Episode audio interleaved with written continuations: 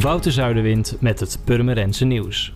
Burgemeester Don Bell schoof gisteravond opnieuw aan bij RTV Purmerend om ons bij te praten over de gevolgen van de coronacrisis voor Purmerenders.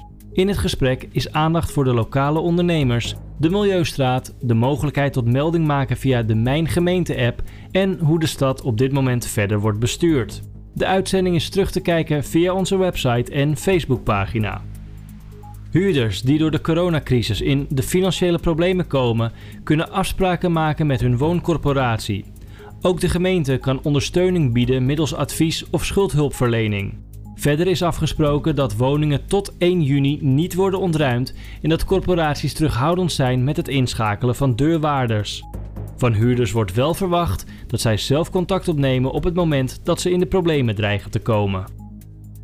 De firma Medipoint is als beste uit de bus gerold als nieuwe leverancier van rolstoelen, scootmobielen en andere producten, zodat mensen zo lang mogelijk thuis kunnen blijven wonen in de regio Zaanstreek-Waterland. Medipoint gaat minimaal 4 jaar voor de gemeente aan de slag en als alles goed verloopt kan dat contract worden verlengd naar 7 jaar. De gemeenten hebben in het kader van de Wet Maatschappelijke Ondersteuning de wettelijke taak om voorzieningen en hulpmiddelen te bieden aan inwoners met een beperking.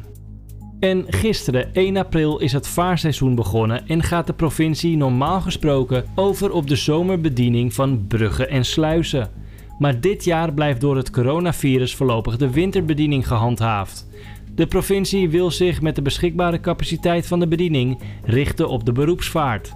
Recreatievaart kan binnen de vastgestelde tijden en regelingen varen met inachtneming van de RIVM-maatregelen. Het is nog niet bekend wanneer de zomerbediening alsnog ingaat. Voor meer nieuws, kijk of luister je natuurlijk naar RTV Purmerend, volg je onze socials of ga je naar rtvpurmerend.nl.